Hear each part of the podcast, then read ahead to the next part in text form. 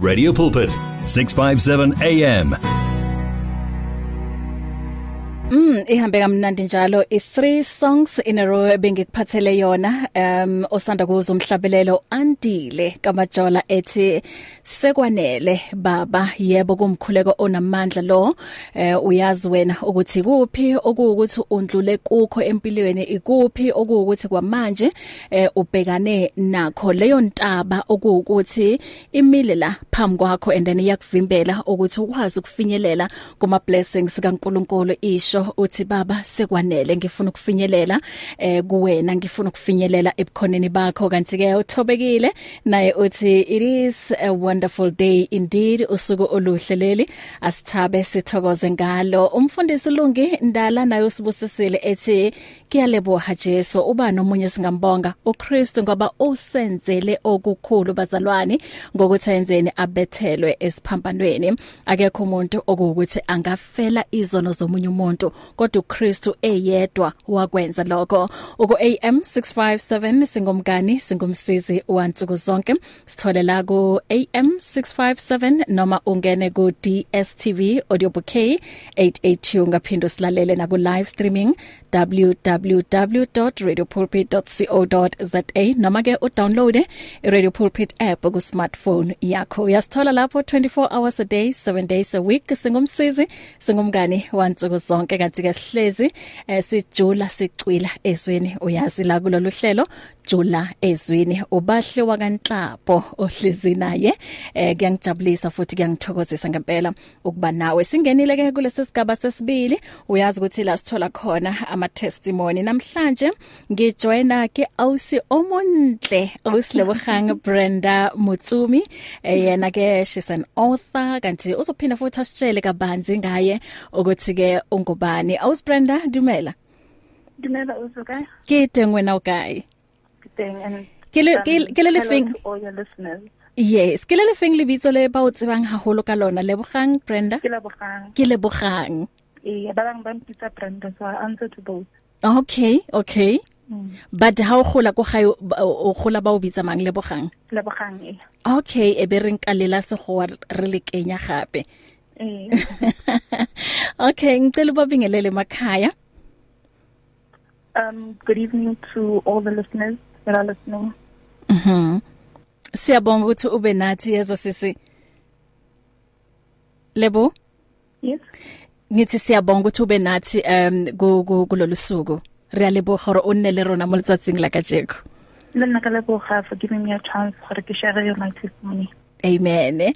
Ya um asiqale la ngesesilebo ngoba angithi ngesinye isikhathi bathu hawubua mo radio motho tla iketsetsa picture high hore okay because of voice ya hae kinali this picture ka yena hore ke motho o so but thina ke sifuna ukuthi usisilebo simazi deeper ukuthi ke ungubani. Ngicela nje ukuthi usibekele isithombe sakho hore eh awusilebo gankimang um um lebogang ke ngwanyana o na leng 29 years old and hape ke mme mhm wa ngwana a baby girl who's 8 years old. Mhm ke inspirational speaker ke activist ke HIV activist mm -hmm. ke author and what I recently um added to my CV I'm a radio presenter. Oh okay. Yeah. Lebogang is a young woman who's using her mess and turning it into a message. That's basically who Lebogang is. Wow, that's that's that's powerful. And o belegetse ko kae? Ke belegetse ko Baragwanath and then ka golela ko plekeng ba re ke London because mama ka um was a domestic worker well still is. Mm. So an kere ne ba dula ko dintlong tsa magoa and ba dule kwa ntle like go the the cottages and so forth. So ke goletse London. Some of my life ka golela ko Pitori ko Mabopane and there's a year that I also went ka do dula ko Nelspruit dile tatamagolo le Osaka. Okay, Linden e go south of Joburg, ne? If I'm not Yeah, mistaken. Next to North Cliff. Mm, Oh, yes, or go mm. e go north of Joburg. Mm. Okay. All right, um sesilebo bengithandile nje ukuthi before um uzosharela your testimony eh si simazi ukuthi ubani uh, ulebo esikhuluma ngaye. So uthi you are a radio presenter, you are an author, you are an inspirational speaker, you are a motivational speaker ume. Hey, uyazi uNkulunkulu ukubusise ngezinto eziningi and you also an AIDS activist angithi. Yes. Okay, ngicela ukuthi ngikubuze kancane uma uthi you you are an AIDS activist, you an AIDS activist yenzani? So an AIDS activist lwela ama rights abantu abaphila nge-HIV, mm -hmm. ama policies that don't speak to us as people living with HIV mm -hmm. and also just spreading the good news the good news zokuthi mal positive you can live a very positive life you know yeah. that, that's basically what HIV activism is. Mhm. Yes. Okay, ngicela nje ukuthi sithathe ikhefu elincane bese ke siyabuya siqhubeka ngethi ngendaba yethu ongayindawo sinawe until 4 o'clock. Okay, itsike sithathe nje ikhefu ngiyabuya emveni kwalokho. This is a public service announcement out of concern for your safety. And we at Radio Pulpit would like to remind you to follow the safety guidelines as indicated by the South African National Institute of Communicable Diseases and the Department of Health to keep COVID-19 under control in our communities.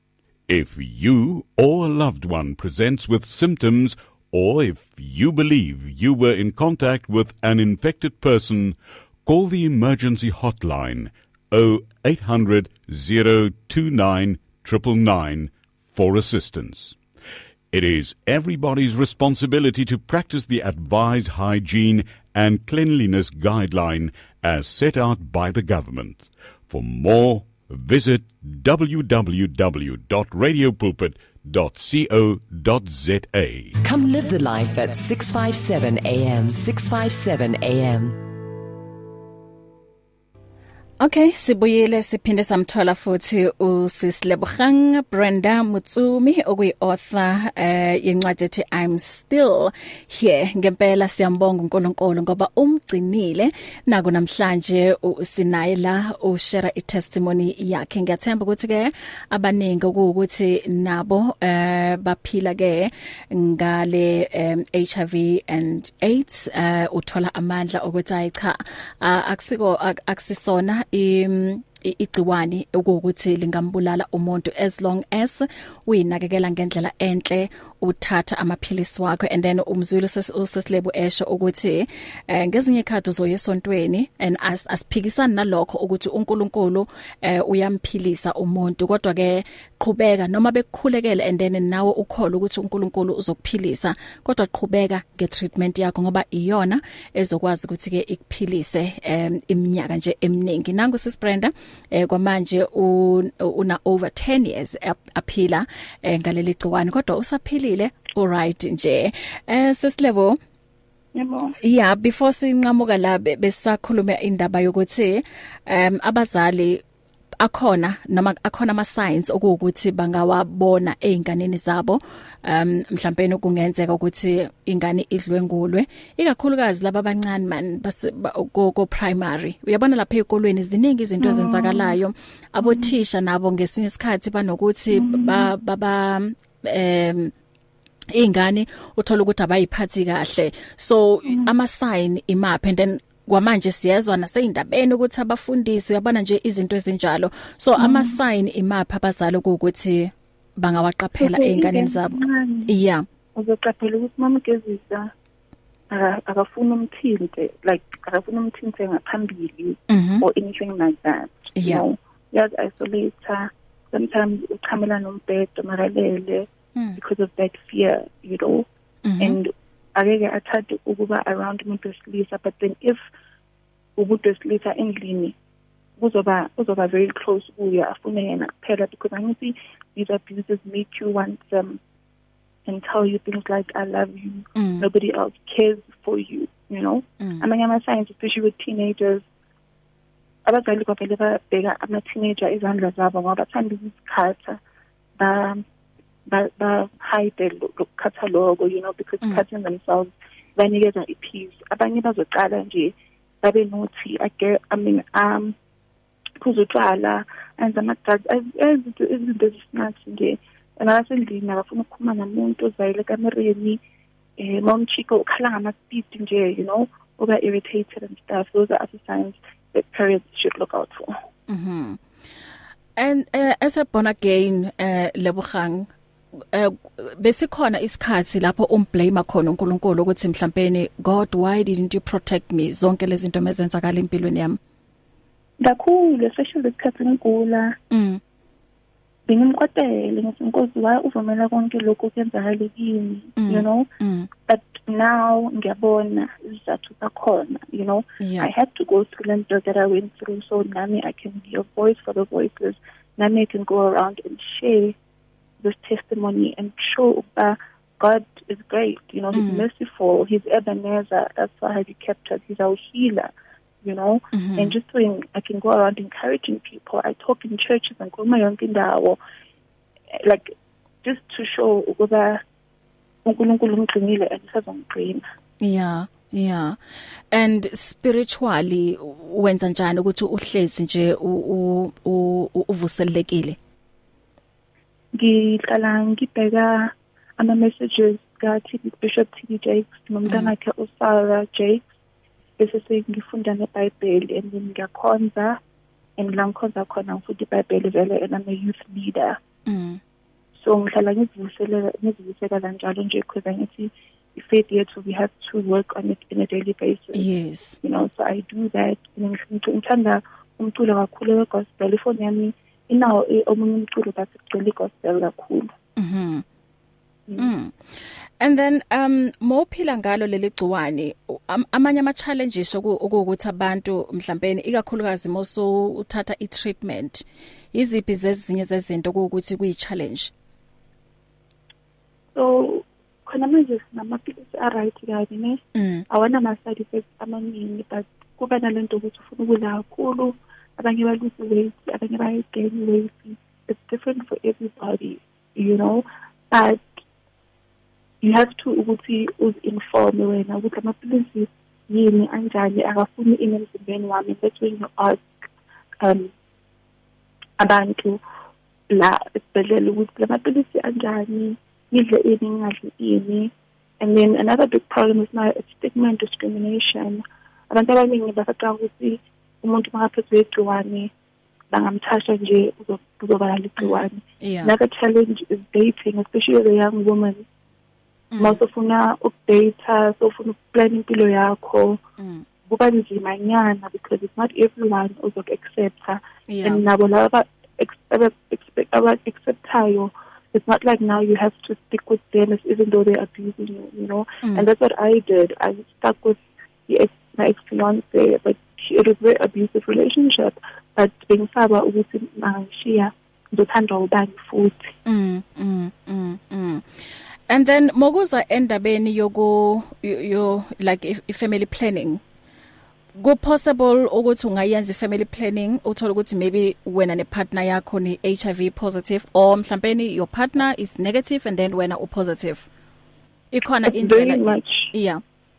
We call it prevention mother to child Mm. care okay very much possible for one to conceive umntwana a positive Mm. remember njengoba ngishilo ukuthi mothatha amaphilisi wathatha kahle i-virology yakho eba undetect, undetectable Yeah. right mhm ayitholakali kuma-sperms ayitholakali kulezinto ezinye ezen- ezen- that are in the body Mm. that you get um that open up the way of getting infected you know mawunganama-STI alright ngiyakwadokotela ngiyamtshela udokotela nasesiredi uba nomntwana ba-check-a uh, ubaba ukuthi alright ba-check uma ukuthi alright bese bantshela ukuthi hambani-ke nenze ucansi and then maso-pregnant nibuye-ke bese mazothola umntwana bakunikeza into bathi navarapin okay. Remember umntwana nomama abashare igazi.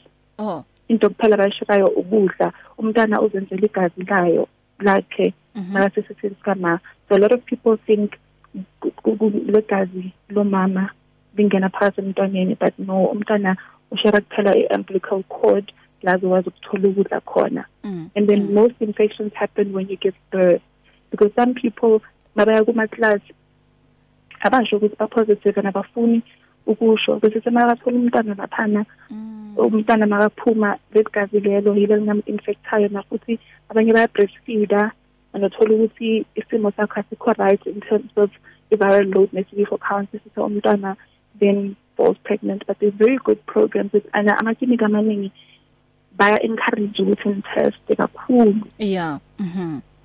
Mm.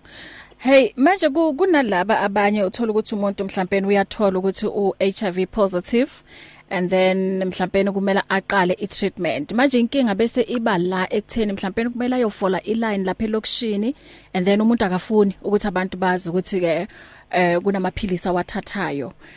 Ikhona indlela mhlawumbe e private la umuntu angawathola khona amaphilisi uh, besides kuma public uh, clinic or hospitals? So manje, um, a lot of public hospitals have teamed up with ama doctor nje. So nga ku doctor that's nearest to you uthatha amaphilisi but they'll only refer you to that service if igazi lakho li right. Okay. Ungaya nase discern ukulanda amaphilisi akho khona benzela ukuthi eclinic ungaqwali if umuntu right akadingi ukuthi aye eclinic because ufuna amaphilisi kuphela ngithi then uya for a check up yakho every 6 months. Mhm. so kunabadokotela that you go to uthatha amaphilisi discern but Mhm. njengoba ngishilo if amagazi akho aright unakekele then bayasho ukuthi okay wena hamba ulanda amaphilisi ku doctor so and so uze kuphela lana mazoyenza ama blood test. Okay.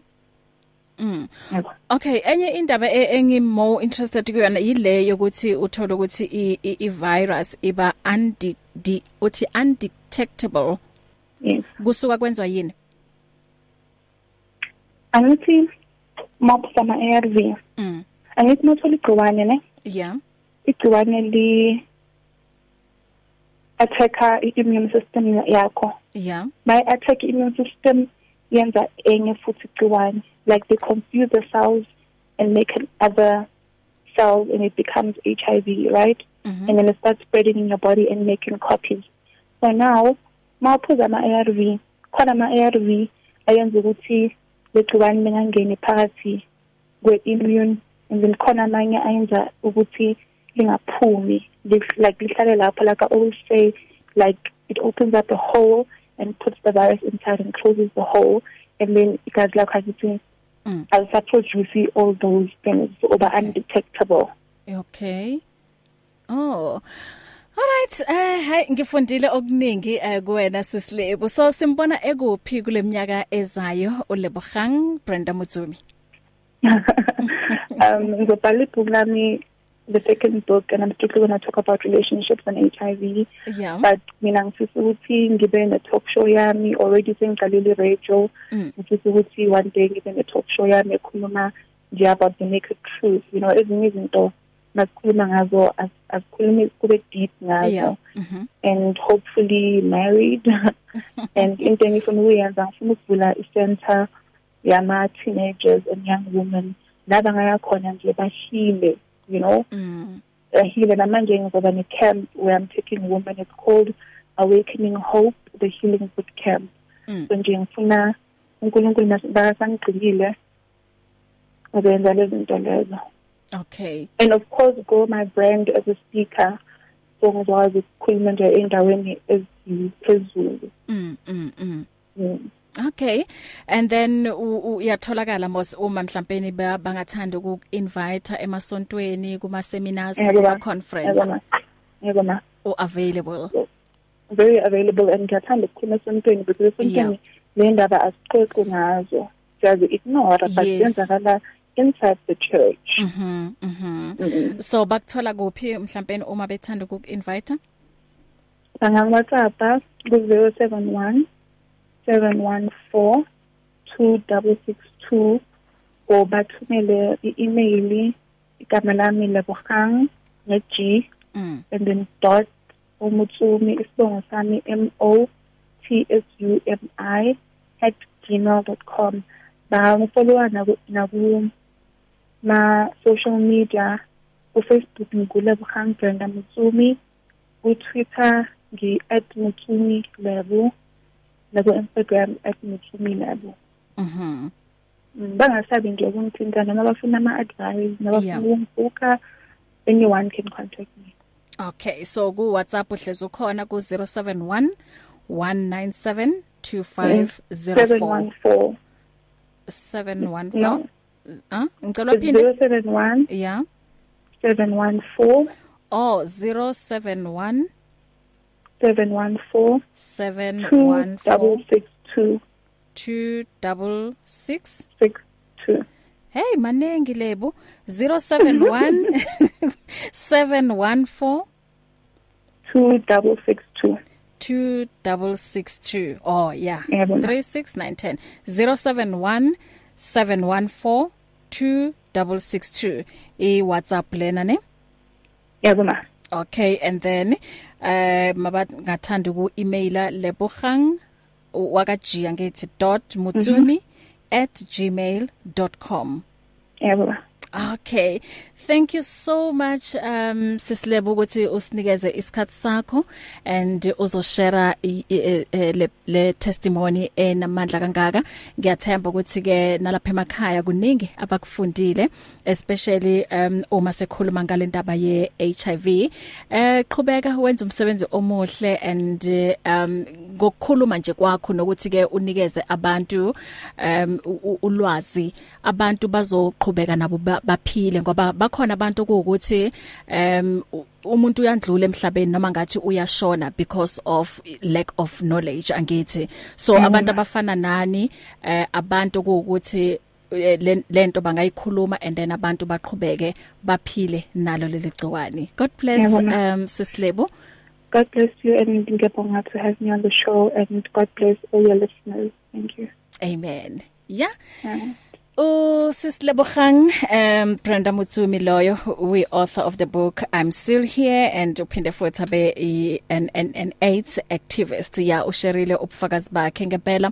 uNkulunkulu yabagcina abantwana bakhe and uh, kuNkulunkulu siyayithola ne healing uma noma kuukuthi akusiyona i healing yokuthi mhlawumbe u- u- you are healed from eh, le virus. Kodwa ke emoyeni uyakwazi ukuthi ke uphile and then uma uphilile emoyeni kusho ukuthi ke uba nakho ukuphila. Awuthi ke ngihambela ne Bethel Music bethi you make me brave and then bayosifikisa ngale eh, esigabeni sokugcina lapho sizongena kwi discussion uh, yethu. Ngihamba nomfundisi noma ngathi Dr Panisi Ntshangasi sikhuluma ke kulolu suku eh, sithi the big eye ithi ngayichazi kabanzi ukuthi the big eye sisho ukuthini? Kodwa lo eye lo u, u eye u- mina you. Yeah i loyo me you the big i. Yasi indaba ke esizoyikhuluma la sithatha kulesi scripture Romans 6 uh, 16 to Romans 7 from verse 15 to 25 asixoxe ke after 4 o'clock. If you need prayer, please send your request to prayer at radiopulpit.co.za or WhatsApp 067 429 7564 or go to Radio Pulpit website on www.radiopulpit.co.za. Reach your customers in the car, at the office, at home, or wherever they are, night or day. Through advertising with Radio Pulpit, you can reach a large, unique, and loyal audience in a most affordable way. With over 500,000 people on our various platforms, from Gauteng to the Cape, you simply cannot go wrong. So advertise today. Contact us on 012 334 1339 or for advertising packages that we offer, go to www.radiopulpit.co.za. Terms and conditions apply. You and 657 AM and life, a winning team on the road to eternity.